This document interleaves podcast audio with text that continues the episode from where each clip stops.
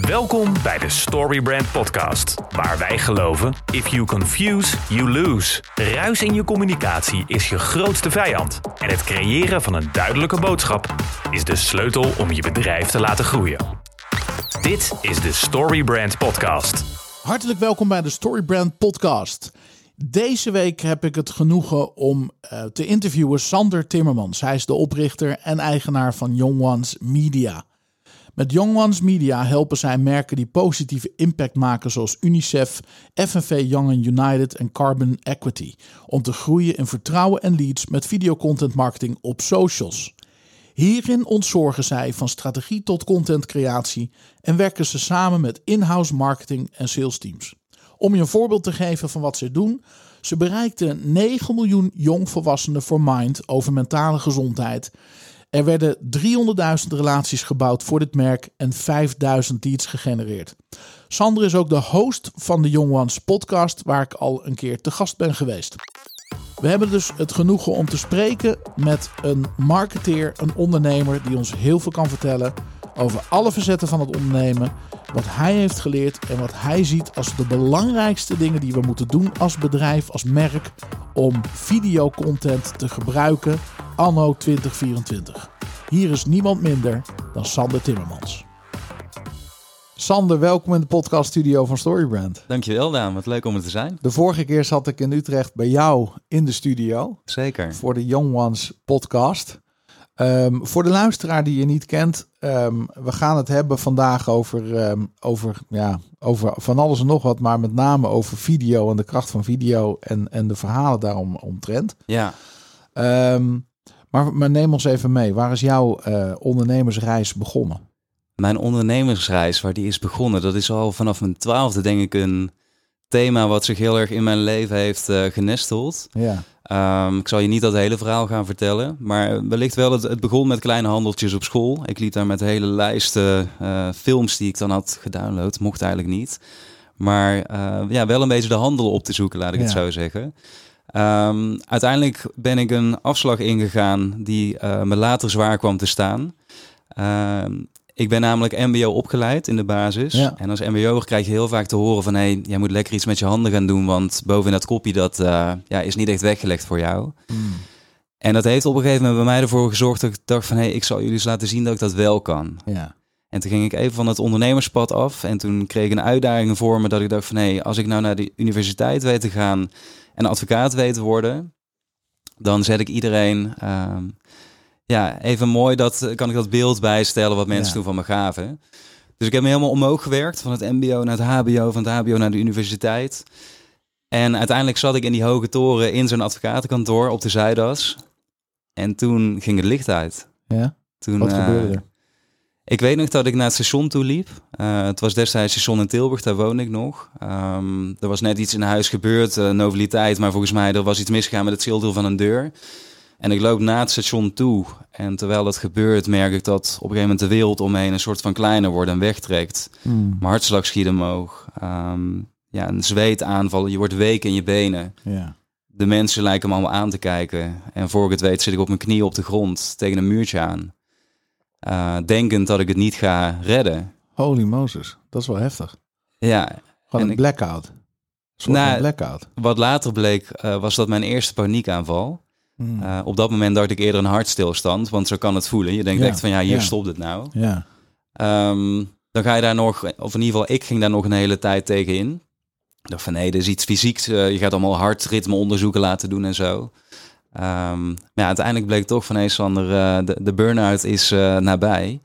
En wellicht is het toch niet handig wat je allemaal doet. Maar misschien nog beter gezegd, en dat kon ik echt pas jaren later weer zien, waarom je doet wat je doet. Ja. En toen kwam ik er dus achter dat ik eigenlijk al die tijd ja, me had willen afvechten van dat beeld van vroeger. Ik ben ook een tijdje gepest op de middelbare school, dus ook daar heel veel oordeel. En letterlijk mijn houding was geworden, ik zal jullie wel eens even laten zien. En die energie die kan je heel ver brengen, maar niet, um, ja, tot Niet aan de grenzen zijn. voorbij. Ja. En uiteindelijk die burn-out, ik zeg ook vaak van ik heb die gekregen, zo voelde het ook echt. Want ik ga weer terug naar het ondernemersverhaal, omdat ik toen inzag van nee, die advocatuur, ik kan het wel, maar het past niet bij mij. De hele wereld eromheen niet. En laat ik nou eens teruggaan naar mijn passie en dat is de muziek. Want ik was vanaf mijn tien al helemaal gek van muziek. Mijn eerste hobby waar ik echt een, ja, een brandend onderbuikgevoel van kreeg. Ehm, en toen ben ik gaan ondernemen in de muziekindustrie. Dat En is dat- een uitdaging op zich. Ja, wat ik heel interessant vind, eh, zowel voor de ondernemers als marketeers die luisteren, is dat de muziekindustrie een markt is waar je ontzettend veel aanbod hebt en veel minder vraag. Ja. Want iedereen wilde op de radio komen, iedereen wil dat grote festival afsluiten. En dus ook een hele mooie leerschool om beter te worden in het ondernemen en in marketing. Ehm, uiteindelijk heb ik dat acht tot negen jaar lang gedaan. Eh, Wauw. enerzijds als artiest, dat was een van de pijlers om het zo te noemen. Op een gegeven moment gingen we een eigen festival organiseren. Daar heb ik zo nog een leuk verhaal over, denk ik, voor je. Wat ook weer over marketing en branding gaat. Ehm, en dan uiteindelijk word je ook gevraagd om andere artiesten te gaan managen. En dat, ehm, ja, dat ging heel goed. We verkochten onze festivals uit. We deden eigen clubshows, uh, toerden door Europa. En eh, ja, eigenlijk mijn kinderdroom, die ik als jongen van tien in Limburg in dat dorpje waar ik ben opgegroeid had, die eh, kwam op die manier uit. Wauw. En welk dorp ben je opgegroeid in Limburg? Het heet Weert. Eigenlijk het heeft stadsrechten, dus eh, Waar de je- Koninklijke Militaire School zit. ja, klopt Ja. inderdaad. Uiteindelijk zijn mijn ouders naar Strambrooi verhuisd. Dat is een, eh, dat is een echt dorp in de buurt. Ja. Alleen bekend om de, vanwege de zangeres zonder naam. Ja. oh, mooi. En ehm, ja, daar is die, eh, is die droom begonnen.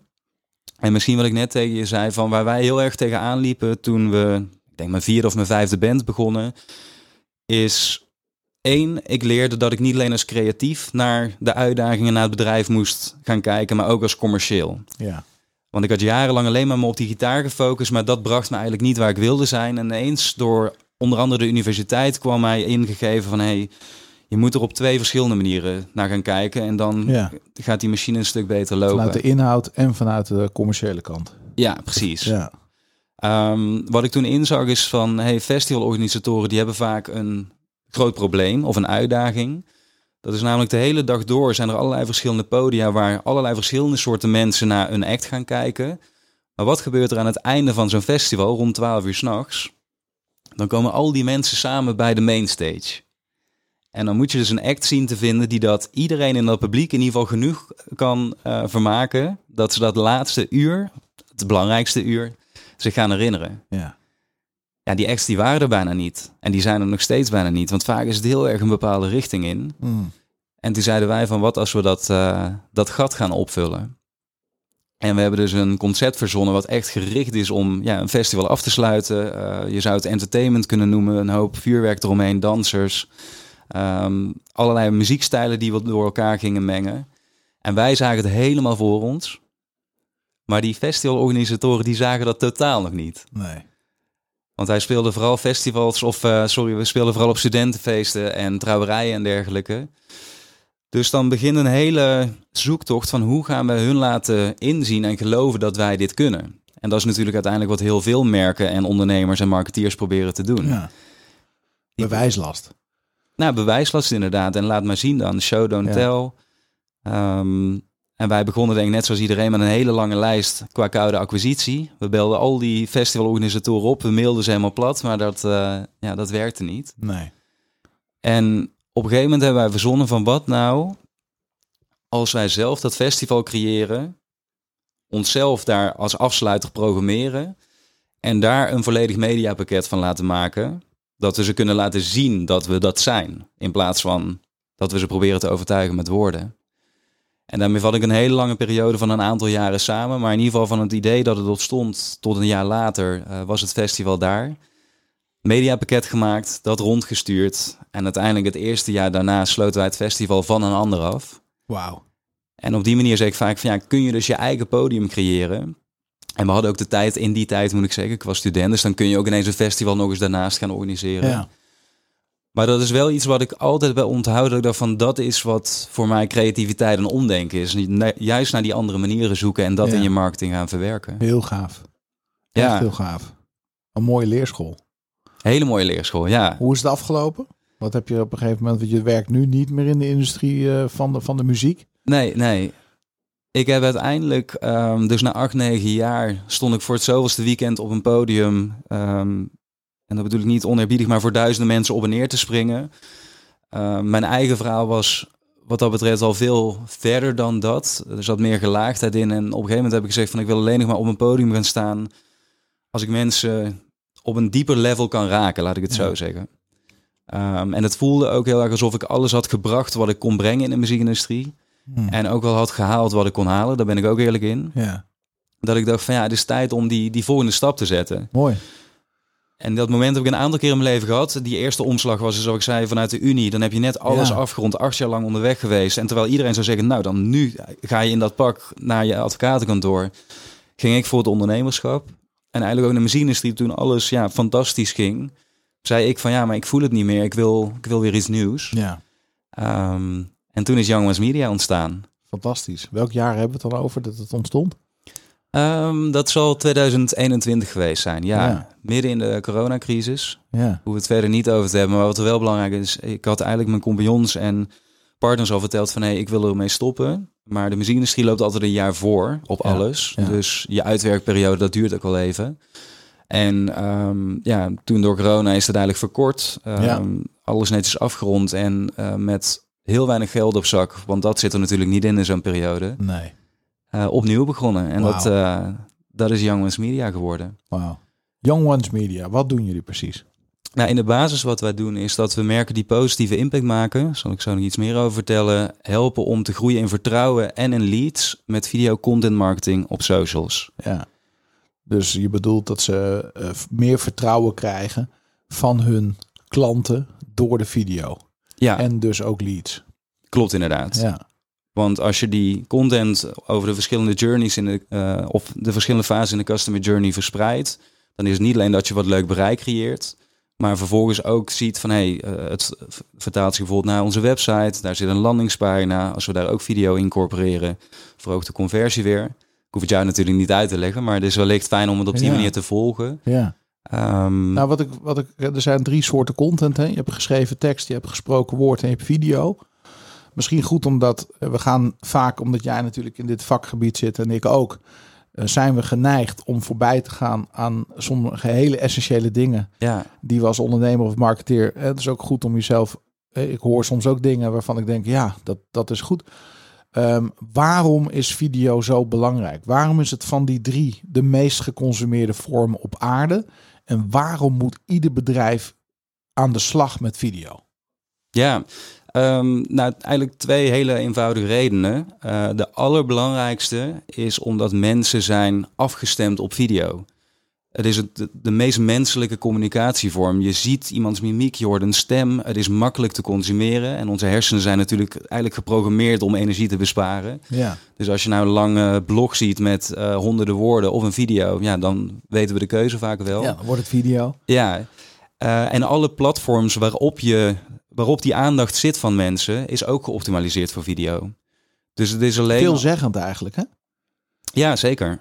Ja, en wat je, wat je noemt is natuurlijk dat ehm, eh, zeg maar die communicatievorm. Hè, je hebt 7% gaat via ehm, eh, woorden, tone of voice, denk ik, hè, dat Ja. soort dingen. En dan heb je de rest is eigenlijk non-verbaal.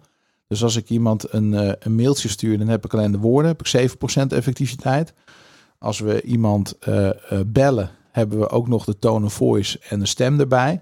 Zitten we misschien op 50% effectiviteit. En bij video heb je ze eigenlijk alle drie. Hè? Dan heb je 100% effectiviteit. Ja, Misschien, is in, in, in- misschien zou je kunnen zeggen 90% effectiviteit. Want in persoon, live, dat is nog altijd de allerbeste vorm natuurlijk. Zeker. Ja, dan heb je ook nog dat gevoelslevel echt Ja. erbij, wat je natuurlijk met video ook kunt ja, en creëren. energie. Maar, Ja. Vaak als je met andere mensen in dezelfde ruimte bent, voel je ook de energie van die persoon meer dan op een video. Maar, maar ja, we kunnen, hè, met video heb je natuurlijk een groter bereik. zeker. Ja.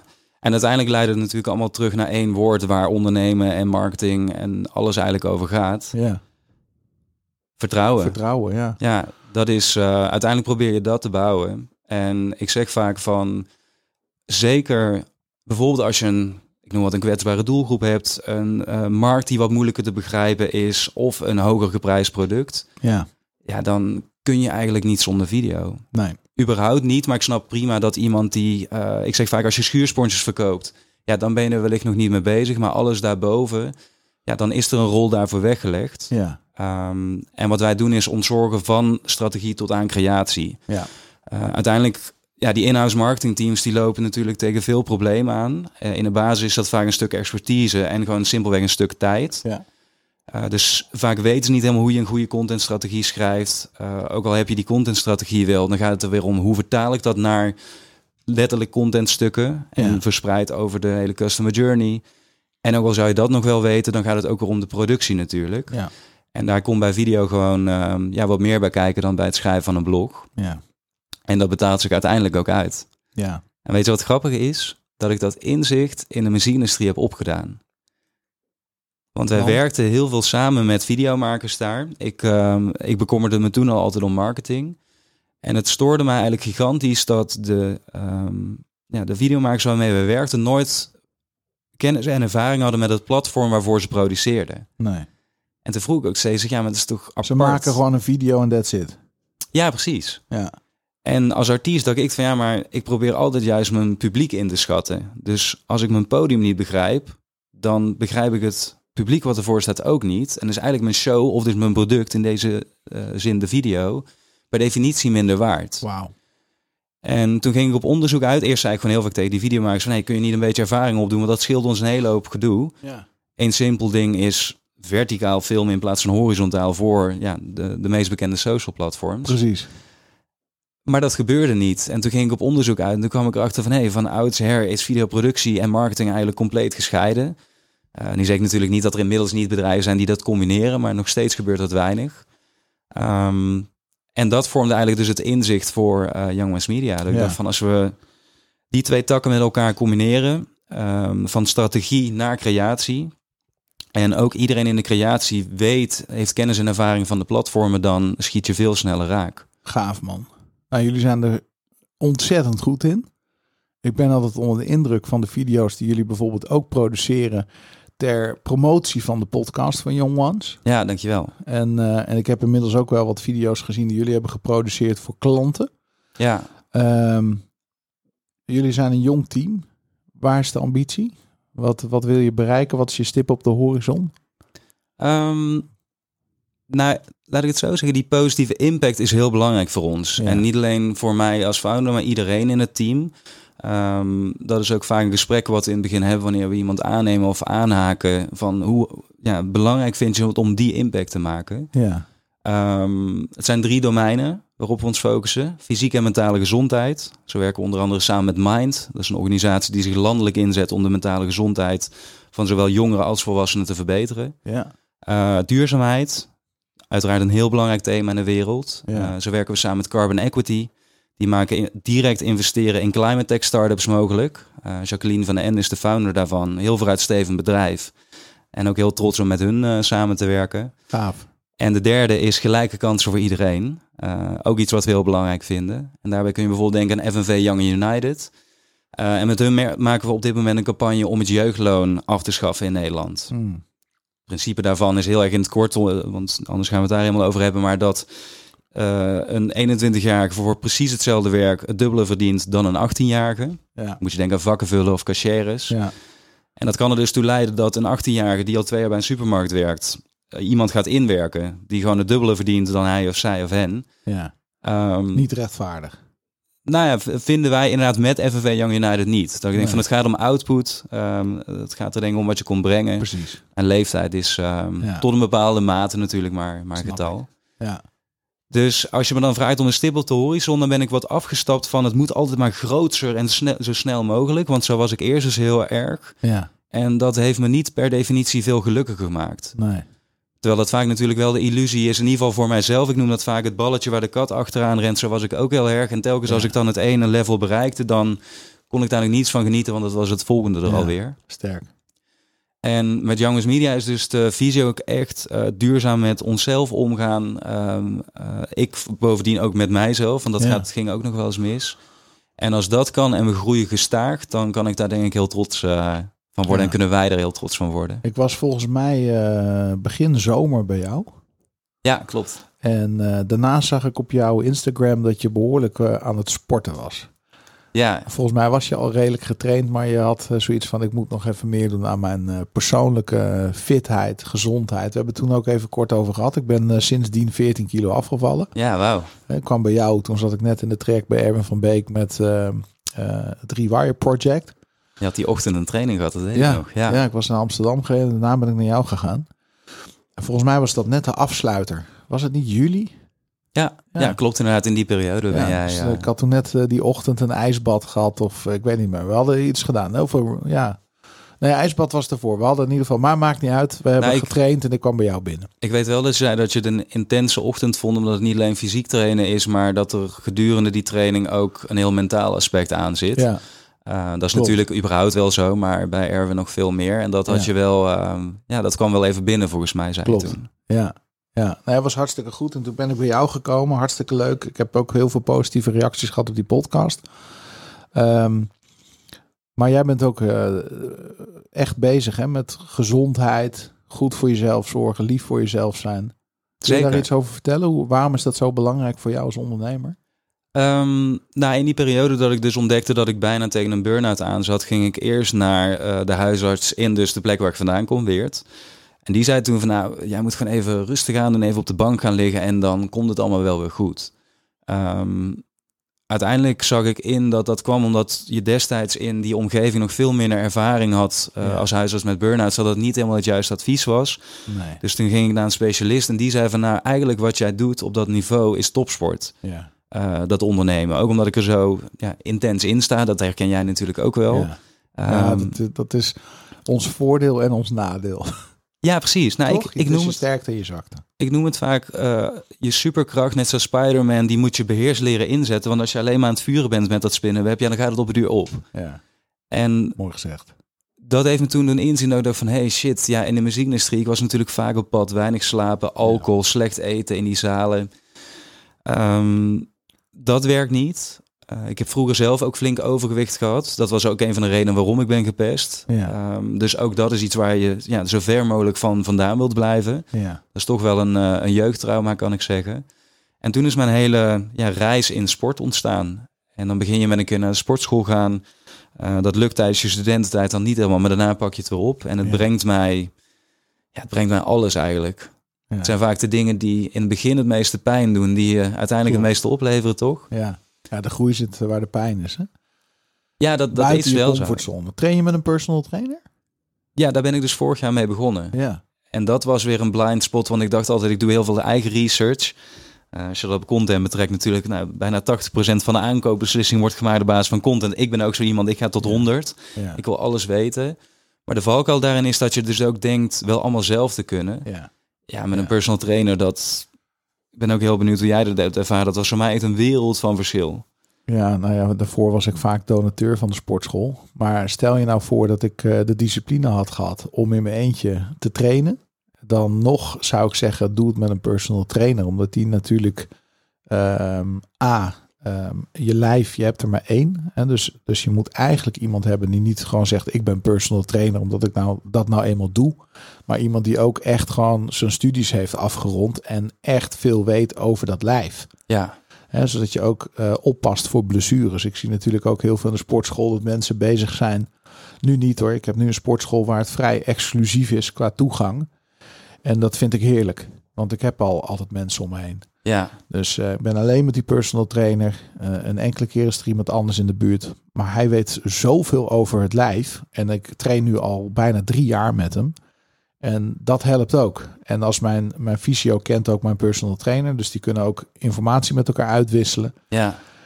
Ehm, en die haalt het maximale uit me. Ik zou soms eh, eh, te soft voor mezelf zijn. Als ik bijvoorbeeld een keer een ochtend om. Ik sport meestal om 7 uur. Morgenochtend om 7 uur mag ik weer. ja.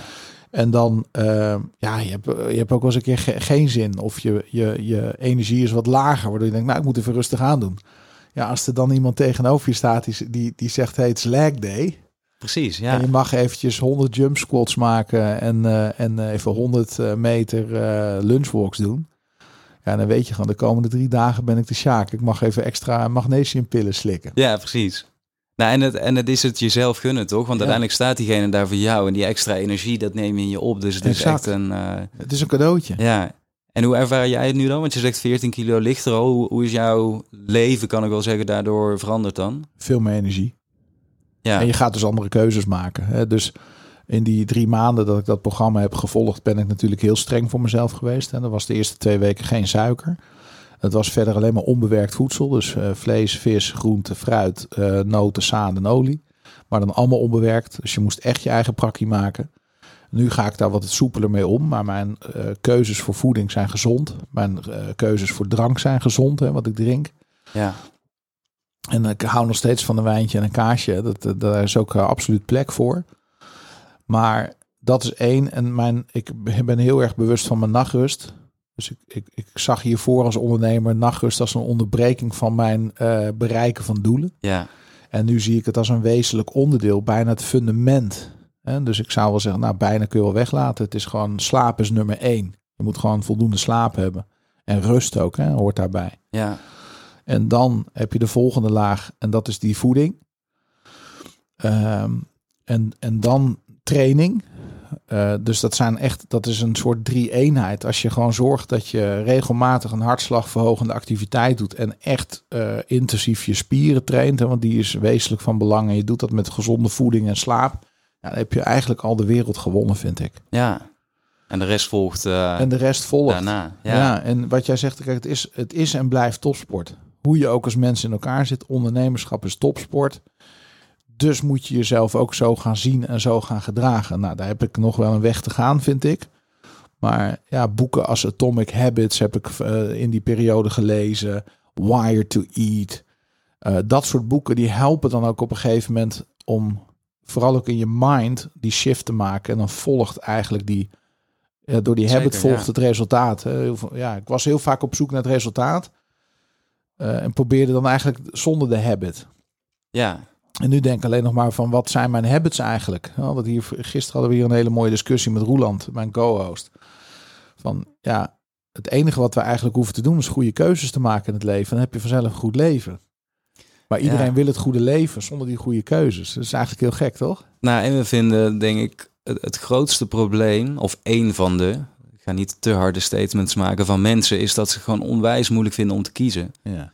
En zeker in deze tijd waarin de keuzes alleen maar meer worden. En daarmee bedoel ik ook de hele online wereld natuurlijk. Ja, um, ja is die, die decision overload leidt vaak niet tot de beste keuzes uiteindelijk. Ja, en dat is ook wel moeilijk story. Ik moet je zeggen dat nu je dat zo zegt, een van mijn grootste uitdagingen, dat je, kijk, we hebben het vaak over to-do lists. En ik ben steeds meer van mening van, ik moet een lijst maken van uh, waar ga ik mee stoppen.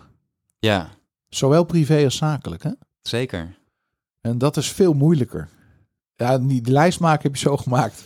Nee, maar, maar ja. dan te beslissen wat jij zegt, dat is moeilijk hè? En de boodschap te brengen. Ja. Want vaak, um, dat herken ik in ieder geval bij mezelf, ik stel niet graag anderen teleur. Nee. Um, ben best wel een pleaser eigenlijk. En juist om voor jezelf de omgeving te creëren waarin jij het beste uh, functioneert en ook presteert. Maar het gaat nog niet eens alleen maar om presteren. Het gaat ook om hoe voel je je nou. Ja. Zeg ik vaak, ik moet soms asociale keuzes maken om de rest van de tijd heel sociaal te kunnen zijn. Dat betekent bijvoorbeeld dat ik niet altijd met het hele team mee lunch. Wel meestal, maar stel dat ik de hele leuke opnames heb zoals jij nu hier. Ja. Dan werkt het voor mij niet om en de hele tijd in opname te zitten en daarna een lunch in te gaan met ook weer twintig mensen omheen. Want voor het weet ben ik helemaal opgebrand. Ja. Ik herken het. Ja, toch? En ik denk Ja. veel mensen ook die luisteren. En dat het inzicht wat uiteindelijk bij mij aandeed gaan, is ehm, heel veel mensen denken in introverts en extraverts. Het is een soort Nederlands en Engels door elkaar wat ik nu doe, maar in ieder geval je begrijpt wat ik bedoel. Ja. Maar ik dacht steeds van ja, maar ik moet net genoeg prikkeling hebben dat ik ehm, ja, enthousiast en gemotiveerd blijf. Maar doe je te veel, dan raak ik een soort van overprikkeld. Ja. Toen ging ik daar onderzoek naar doen en toen bleek dat dit een bekend fenomeen is. En ik vraag ook vaak aan mensen of je nou ondernemer bent of niet, dat maakt niet uit. Maar heb je wel eens een heel leuk weekend gehad en dat je toch op maandag het gevoel hebt van ik ben helemaal kapot en opgebrand, waar haal ik de energie vandaan? Ja. Hoe kan dat? Want als je Ja. het toch leuk had, dan zou je toch energie moeten hebben. En het gaat er heel erg om van waar laad ik van op en Ja. wat vind ik leuk om te doen. Ja. Ja, en ik eh, zag in van ik ben eigenlijk een ambivert, net zoals 60% van de mensen. Carl Jung, psycholoog, die had dat in de jaren 30 al uitgevonden. Ehm, en dat deed het licht aan. En ik dacht van wow, ja, ik kan niet alleen maar doorgaan. Nee, ik heb precies hetzelfde hoor. Ik ben ook eh, zowel intro als, als eh, extravert. Ja, Ik zie dat ook heel duidelijk terug in mijn dagen. Die moet ik dus ook plannen met allebei die componenten. ja, En, eh, en het is ook nog eens een keertje zo dat, ehm, dat, dat zul jij misschien ook wel herkennen. Je hebt gewoon ook periodes in de dag waarop je juist heel productief in je eentje zonder afleiding uh, ja, heel veel taken kunt wegwerken die ook op je bordje liggen. Ja. De vijf minuten klusjes, et cetera. Ja, ik, ik hoor heel vaak mensen zeggen: nee, mijn productiefste tijd van de dag, dan ga ik uh, deep work doen. Maar ik gebruik ze soms juist omdat ik dan bruis van de energie om al die klote klusjes van vijf minuten te doen. Ja. En dan heb ik er een hele reeks en dan ben ik er de hele week vanaf. Ja, precies, ben je klaar. Ja, de tandarts een afspraak maken, weet je wel. Uh, weet ik veel. Uh, ik had vanmorgen had ik zo'n rijtje, weet je. De tandarts, de KPM-monteur moet komen, de cv-ketel moet even onderhoudsbeurtje hebben. Allemaal van dat soort Ja. kleine klusjes privé. Gecombineerd met zakelijk een aantal dingen nakijken, een persbericht beoordelen, weet ik veel, weet je, zo. Dus ja, het is ook een beetje spelen met. En ik heb juist middags dat ik veel creatiever ben. Oké. Dus dan is dan iedereen zijn energie zakt dan een beetje weg naar de after lunch dip. En dan bruis ik altijd nog. Ja. En dan denk ik, joh, ik kan nu eh, juist eh, out of the box denken. Dus daar speel je ook op in dan, neem ik Ja. aan, in je planning. Ja. ja. En dat is het interessante natuurlijk. Als je dat inzicht eenmaal hebt, wat je zegt, en je vertaalt dat vervolgens naar eh, planning. En voor mij is planning een tool om gedrag te, te sturen, of hoe je het wilt noemen. ja, Bij mij is bijvoorbeeld dat meetings worden altijd alleen naar de middag gepland. Tenzij het echt, echt niet anders kan. ja, Maar in de ochtend heb ik mijn tijd nodig, juist inderdaad voor wat je zegt, Sterk. gefocust werk. ehm, met het team en in mijn eentje. Ik begin vaak ook al 's ochtends heel vroeg toe, een aantal uur werk. En dan meetings vanaf de middag. En dat heeft echt mijn hele week veranderd. ja, Klinkt wel als een best kleine aanpassing. ja. Maar je moet dus ook heel vaak zeggen als iemand zegt... hey, schieten we die meeting even om negen uur in? Van ja, nee, dat doe ik niet. Nou, die grenzen bewaken, dat eh, wordt misschien ook wel het thema van eh, het nieuwe jaar 2024. Ja, Want daar zit wel de crux, denk ik. Als je heel goed weet wat je zelf wil en daar je leven naar gaat inrichten, ja. ja, je agenda wordt toch al gevuld. Alleen bepaal jij het of een ander. Nou, en, en misschien om dat ook naar, naar het onderwerp van eh, ons werk te vertalen. Ik zie heel veel marketingteams die zich bezighouden met content marketing... die echt gewoon opgebrand zijn. Hmm. Omdat ook daarin de, de vraag om nieuwe content ehm, zo hoog is. En het dendert maar door. En je hebt het ene nieuwe idee verzonnen, maar de volgende week staat alweer daar. En het wordt weer verwacht dat je het nieuwe idee uitvoert. En heel vaak wordt gezegd, ja, je bent een marketeer, dus ja, je bent een specialist. Maar dat betekent van landingspagina's tot de advertising, tot alle social Ja. platforms. Daar wordt alles ineens onder verstaan. Ja. Ehm, dus dat zie ik ook wel vaak ja, misgaan. In ieder geval, daar zie ik mensen mee worstelen. Ja. Ehm, en dan ook weer komt het erbij van heb je een, ja, een duidelijke richting gekozen? Durf je ook nee te zeggen tegen dingen of, of spring je de hele tijd achter die shiny objects aan en sla je daardoor eigenlijk elke plank mis die er voorbij komt? Dus Ja. denk ik belangrijk om daar zowel persoonlijk dus als zakelijk van bewust te zijn. Als er één ding is wat je in je marketingmix wil hebben, is het video. Vanwege dat vertrouwen en omdat mensen dat nou eenmaal heel graag bekijken. Als een bedrijf wil starten met videomarketing, waar moeten ze dan beginnen? Hoe zou jij dat aanpakken? Stel dat jij nu een nieuw bedrijf uit de grond stampt. Ja, Wat ga je doen met video? je begint altijd met waar willen wij naartoe? Ik zeg vaak dat is het enige moment om even egoïstisch te zijn. Wat, ja, wat je eigenlijk ook net aan mij vroeg, aan mij vroeg, wat is ons plan voor het komende jaar in ieder Ja. geval al? Ja, En wat zijn de doelen die we daarvoor moeten behalen? Nou, eigenlijk komt dat 9 van de 10 keer natuurlijk wel neer op we willen nieuwe klanten, we willen Ja. leads. ja, En vervolgens gaat het dus ook over die klant. En dat is waarin ik Storybrand ook heel erg sterk vind en zelf dus ook toepas in ons bedrijf in die strategiefase. Omdat je om te kunnen scoren met content per definitie een onwijs goed begrip van die klant nodig hebt. ja, En we zeggen vaak toch, je moet jezelf verplaatsen in je doelgroep. Ja. En wat ik zo bijzonder vind, is dat de meeste mensen dat stilzittend met een marketing achter een bureau in een brainstorm proberen te doen. Ja. Terwijl het woord verplaatsen zegt het al. Je moet in beweging komen en op een manier, net zoals wij nu in een gesprek doen. eh, en een podcastsetting is eigenlijk best wel een, een mooie tool of een concept om dus je in dat hoofd te gaan verplaatsen van je klant. Om erachter te komen van, hé, hey, wat houdt ze nou bezig? Ehm, welk resultaat, welke pijnpunten, weet je wel, het rijtje wat hopelijk mensen die deze podcast beluisteren inmiddels wel kennen. Hmm. En dat leidt als het goed is tot de inzichten die de basis gaan vormen voor eh, je strategie. ja, En daarin is ook de samenwerking met sales. Ehm de Ask Answer komt hier een beetje er tussendoor Ja, geslipt. ja. Sales teams of pro- productteams zijn natuurlijk vaak de voelsprieten richting de doelgroep. Ja. Dus door hen erbij te betrekken, heb je meteen als ook marketingteam daar heel veel voordeel bij. Maar het sales team heeft ook wel voordeel bij jou. Want de content die jij voor ze maakt, of überhaupt maakt, kunnen zij weer inzetten in hun trajecten. Ja. Dus die hele dynamiek, denk ik, binnen bedrijven eh, en de hele visie zou echt content-minded moeten worden. ja, mooi. En als je het een beetje half probeert te doen, dat zie ik ook wel eens, of een stagiair erop zet, of ja, dan denk ik dat je het beter helemaal niet Nee, kunt doen. Nee, Nee, daar sta ik wel goed. achter. Ja. ja. Mooi. En als je dan kijkt naar videocontent, want ik, ik hoor misschien ook het bezwaar van eh, mensen, en dat begrijp ik ook wel. Bijvoorbeeld, het kost veel tijd, het is duur. Het eerste wat wij altijd doen is zeggen, ehm, je kunt hele laagdrempelige tests draaien. Wij kunnen op één opnamedag misschien wel 50 video's schieten. Om eerst eens, want je gaat alsnog zeg maar aannames doen over wat er speelt in de doelgroep, toch? Of wat werkt. Ja. Ja. Nou, als je 50 variaties van iets maakt en die gaat testen, dan kom je er op een duur wel achter wat werkt en wat niet en kun je gaan onderzoeken waarom. Ja. En dat hoeft dus niet meteen een hele speelfilm te zijn die je gaat maken, wat wel vaak ja, helaas wordt gedaan. Ja. En daarvoor moet je ook een beetje je ego opzij weten te zetten. Van het hoeft niet meteen, het kan ook gewoon goed zijn en naar buiten. Ja. In plaats van dat alles zo super gelikt en afgestreken moet zijn. Ja, eens. Ja, dat is een goed punt. En het tweede is echt, doe het eh, niet alleen. Hmm. En dat is niet alleen eh, preken voor eigen parochie, maar video's produceren is zo'n vak apart. En daar ben ik ook gedurende de tijd ehm, achter gekomen. Er zijn zoveel variabelen die moeten kloppen. Ehm, laat staan dat het een uitgebreid proces is wat je efficiënt wilt maken. Dat is de reden dat wij het eerste jaar voornamelijk op eigen content hebben gefocust. Om onze eigen teams en systemen draaiende te krijgen en te Ja. optimaliseren. Ja. Ja, nu kunnen we het snel voor anderen doen. Hmm. Maar als je het zelf gaat doen, ja, dan loop je tegen zoveel obstakels aan dat je al heel snel denkt van hé, hey, weet je wat, laat maar zitten. Ja.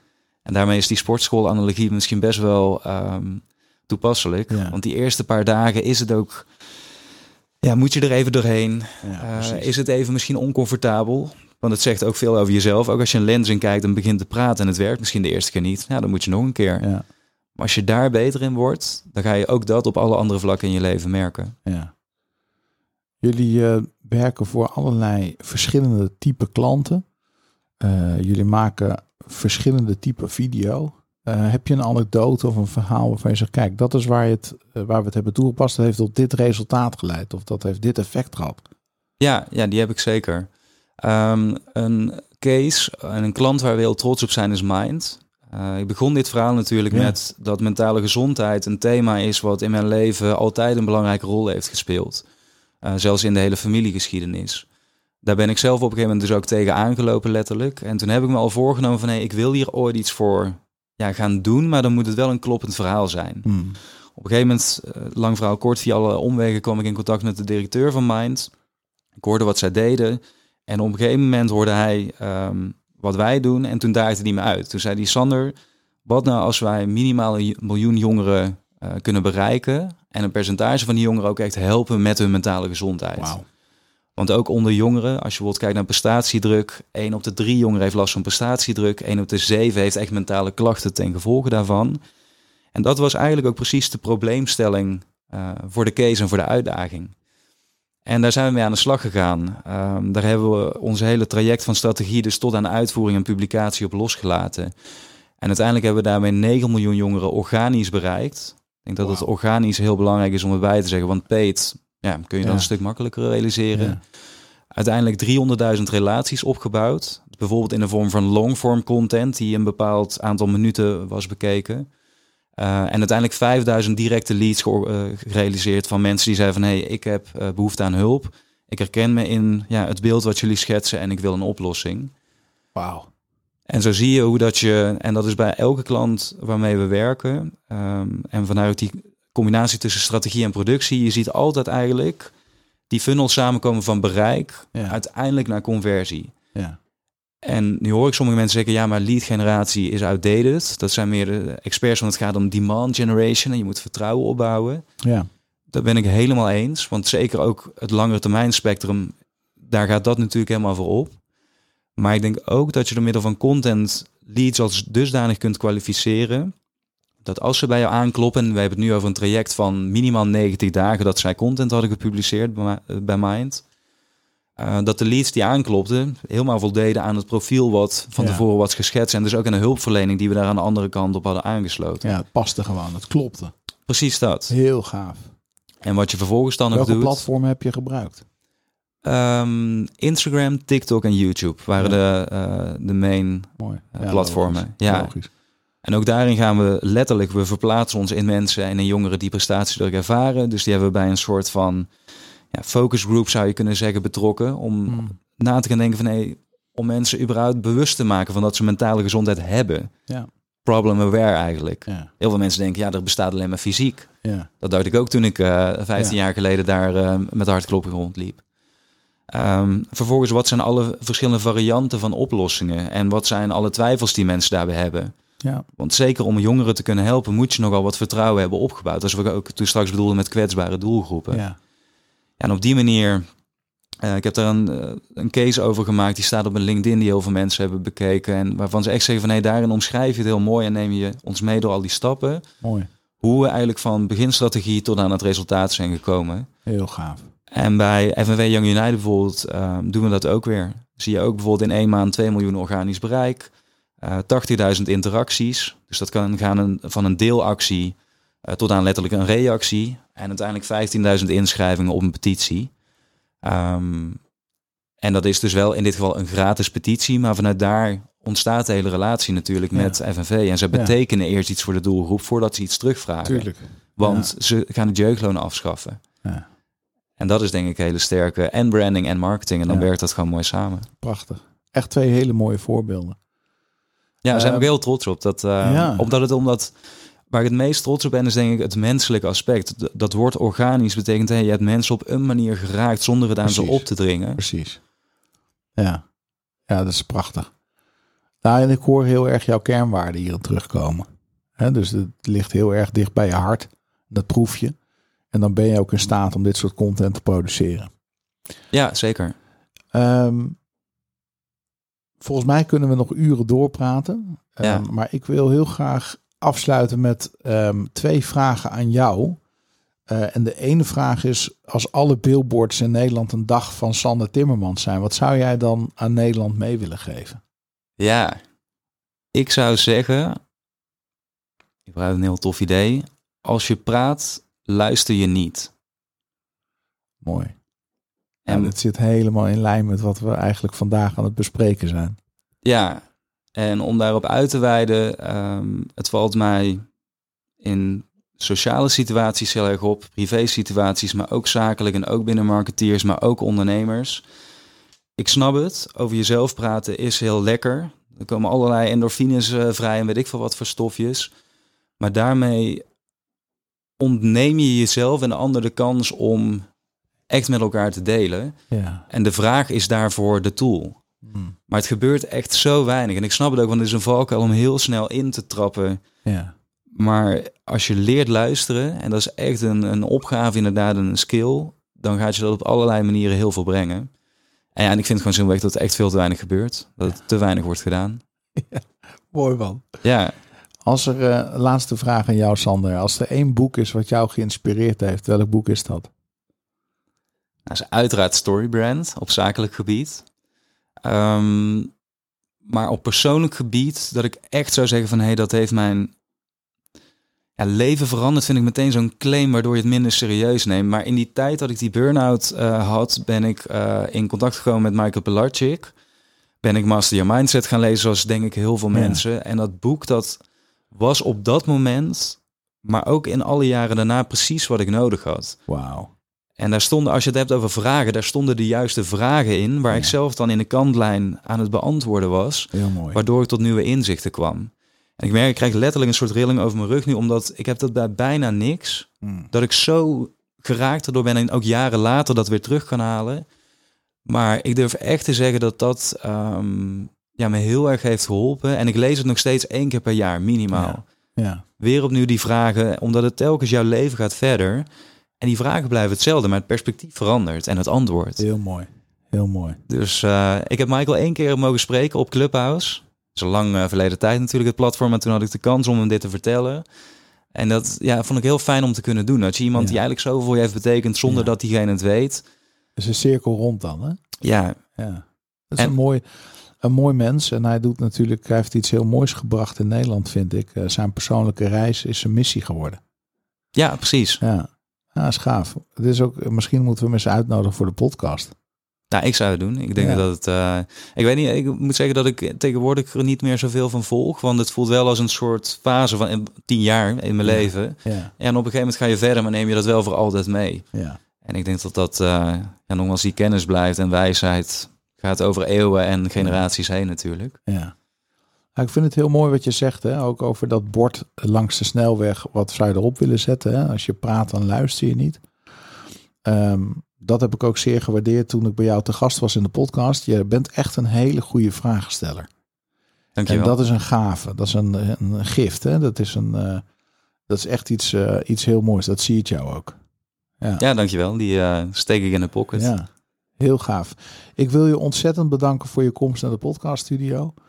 En eh, de volgende keer als je hier bent, dan stel ik voor dat we er een videopodcast van maken. Zeker, dat, eh, Ja. dat gaan we doen. Je hebt hier Dankjewel. al de camera staan. Hè? Er wordt hier al eh, druk videobeelden van jou gemaakt. Maar nog even en we kunnen hier ook een videopodcast van maken. Het is hoog tijd, Daan. Ja, hè? Dankjewel. Ik neem de challenge aan. Kijk, Dankjewel. challenge accepted. Ik zie je over een paar maanden in de videostudio. Super, doen we. Ik hoop dat je hebt genoten van deze aflevering met Sander Timmermans. Een waardevol interview, denk ik zo. Met heel veel dingen die we hebben besproken over het ondernemerschap, het leven en over marketing en sales. Wil jij in 2024 stappen zetten in jouw marketing? Laat je dan helpen door Storybrand. Er zijn vier manieren waarop wij bedrijven helpen groeien. De eerste is do it yourself. Je kunt gaan naar storybrand.nl en voor 500 piek de online training aanschaffen. Je krijgt direct toegang tot 4,5 uur videomateriaal waar je gestructureerd met meer dan 300 animaties en 4,5 uur video en allerlei documentatie en checklist geholpen wordt om Storybrand te implementeren in je bedrijf. Dus heb je een kleine portemonnee en wil je snel starten, ga naar storybrand.nl en schaf de online training aan. Optie 2 is kom naar de open inschrijving tweedaagse die we op 16 en 17 april gaan geven.